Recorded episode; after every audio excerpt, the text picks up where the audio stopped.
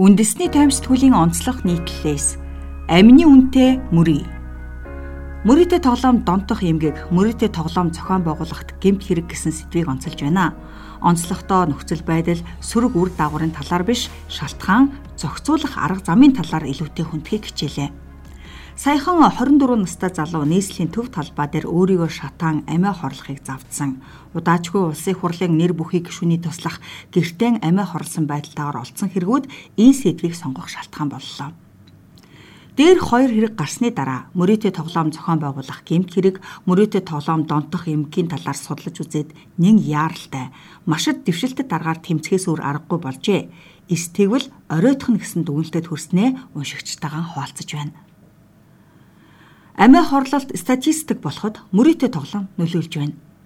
Нэг хүн өхвөл эмгэнэлт явдал, олон хүн өхвөл зүгээр л статистик гэдэг үг бий.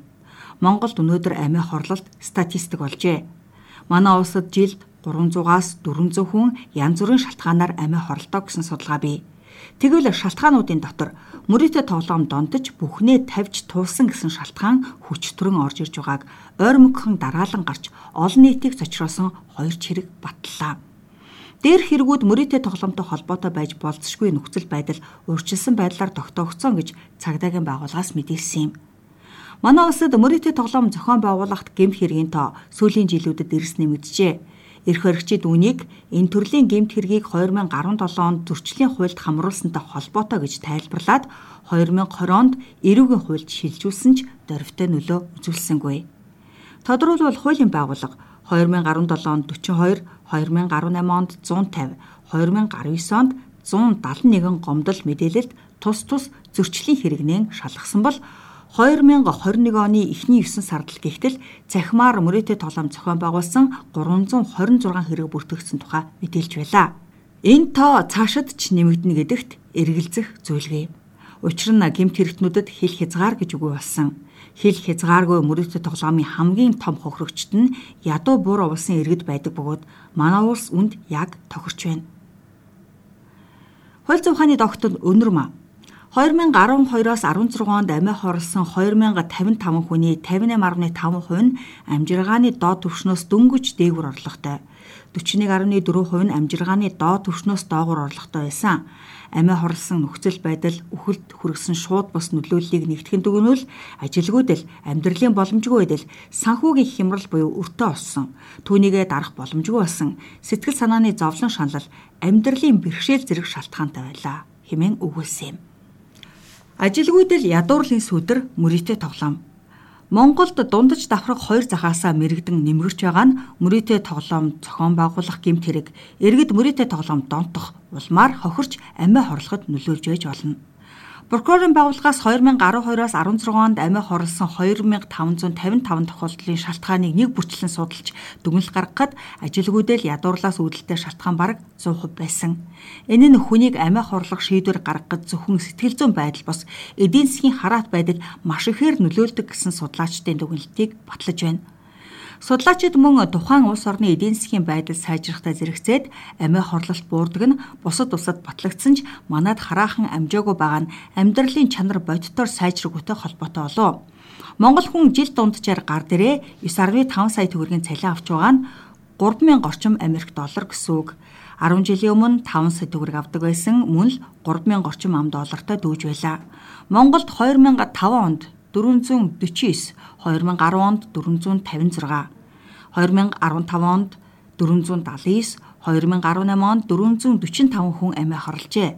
Үндэсний статистикийн хорооноос танилцуулдаг Монгол улсын нийгэм эдийн засгийн байдлын тойм судалгаанууд нийгэм баян ядуу гэсэн хоёр хэсэг хуваагдахаар эрчимтэй тэмүүлж байгааг жилээс жилд батлах боллоо байгаа байхгүй хооронд урд хормоогоороо хойтгоо нөхөн нийгмийг нуруун дээрээ авч явдаг дундаж давхаргийнхны игнээ сарны замхарсаар харин эсэргээрээ ядуучуудын тоо хурдцтай өсөж байна.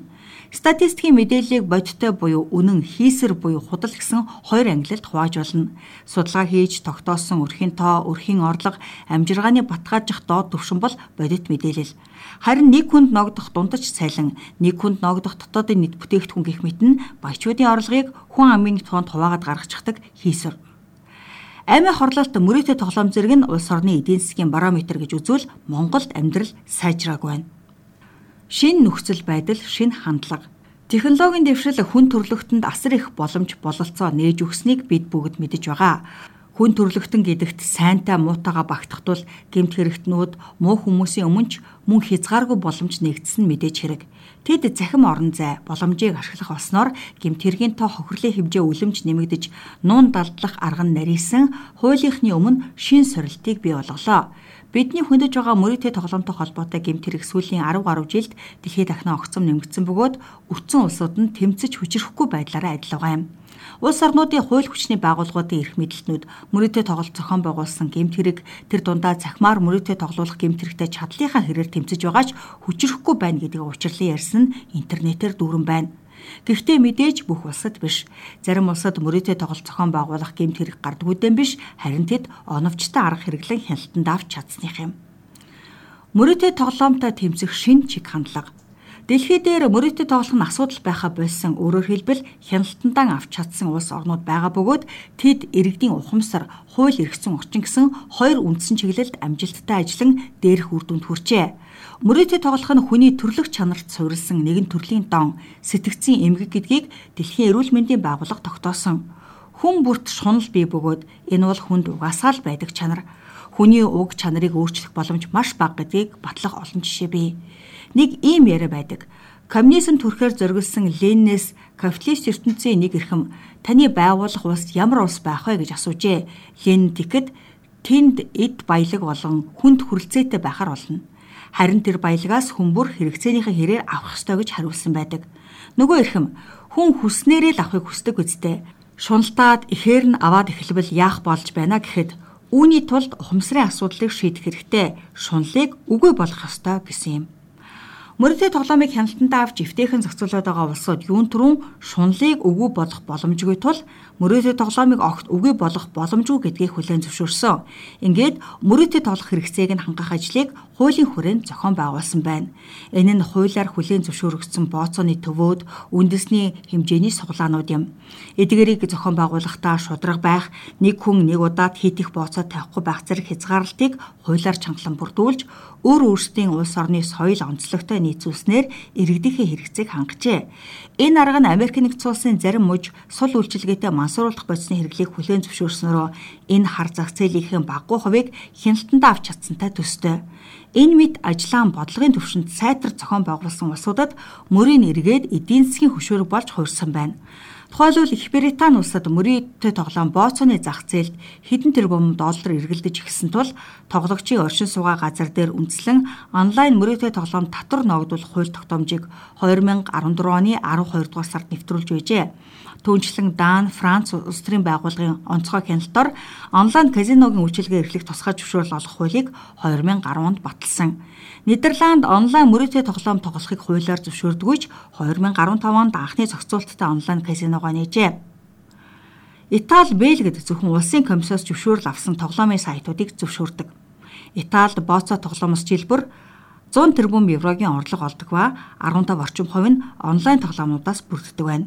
Энэ дурдаад байгаа арга хэмжээ нь манад 800 хятад нэг компьютер дөрөв утас холбочхоод 5 гарын өрөө үүсгэн 4 гар модоор тоглон бусдыг шуулж байснаас огт үүрцүүл юм. Гол нь олон давхар бодолцсон зохицуулалт хязгаарлалтын дор иргэддэн боломж олгосноор гэмт хэрэг төвтөх эрсдлийг нь хаах зорилготой. Хоёрдугаарт мөрөдөө тоглоомд донтох нь нэгэнт эмгэг өвчин тул эмчлэх арга боловсруулахад анхаарсан. Мөрөдөө тоглоом донтох эмгэг буюу лудомания гэх чинь хүнд ч тохиолдож болдог. Казинод орж нэгч болтгоо жетон тавьж үтсэн ихэнх хүнд дахиад тоглох хүсэл төрдөг. Тэр нь даамжирсаар хяналтаас гарч мөрөөдөө тоглох асар хэрэгцээтэй болдог өвчин. Сэтгцтэй холбоотой учир шууд өргөс авсан мэт эдгэх боломжгүй гэсэн ч муу зуршлаасаа салахт нь туслах сэтгэл зүйн эмчилгээний арга ийм эмгэгтэй хүнд хэрхэн туслах боломжийг боловсруулж гаргачихсан л байна. Гэмт хэргийг соёл болгож болох уу? Бид мөрийг амьдралынхаа нэг хэсэг соёл болгосон энэ мэт гадны туршлагаас суралцж өөрийн улсад тохирох бодлого хэрэгжүүлэхгүй бол тас хориод ямар ч нэмэргүйг Казахстан зэрэг олон улсын жишээ харуулж байна. Бид өөрсдөө ч жишээ болчихсон явна. Залууст мөрийг тавих хэрэгцээ бий. Мөрийг тавих нь гэмт хэрэг биш. Тэмч учраас хуульд зохион байгуулсан этгээдэд л хариуцлага тооцдог. Тиймээс уян хатан байхад болохгүй юмгүй. Цагдаа ерхий газраас өнгөрсөн оны 9 дугаар сард цахим гэмт хэрэг нэмэгдэж байгаа талаар мэдээлэл хийхдээ өдөрт 1000 гаруй харилцагчийн дансыг архилаж мөрөөдөө тоглоомтой холбоотой 2000 гаруй гүйлгээ хийгдэж байгаанд судалгаагаар тогтоогдсон. Таслан зогсоохоор хамтран ажиллаж байна.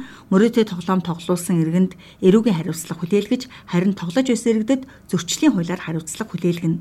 Мөрөөдөө тоглоом тоглуулдаг сайт руу мөнгө хийсэн бол таны мөнгө эргээд олдохгүй гэдгийг сайн ойлгох хэрэгтэй гэж байсан юм. Одоо байгаа хууль нь ийм л юм хуулийг өөрчилж болно. Эцсийн эцэст хуулийн үрг нь хорих цагдах бус зохицуулах авилга авсан өгсөн хоёулангийн шийдэгдэх хуулиар яваад манайх авилгад идэгдсэн.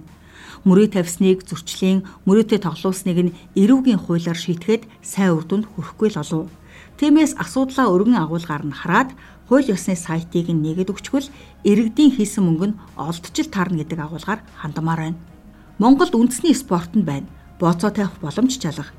Үндэсний хэмжээнд ажилдаг аз эзэрнэ гэсэн олон хүний амьдралыг шийдээд өгчих суглаа алга Гэтэл амьдрал ядуу байна. Энэ байдал залуусыг ловирчдын үр уурхаараа зөвлөж улмаар амиа хорлоход хүргэж байгаа ч юм билүү. Мөрийг хизээж хүний амьд хүрч болохгүй юм.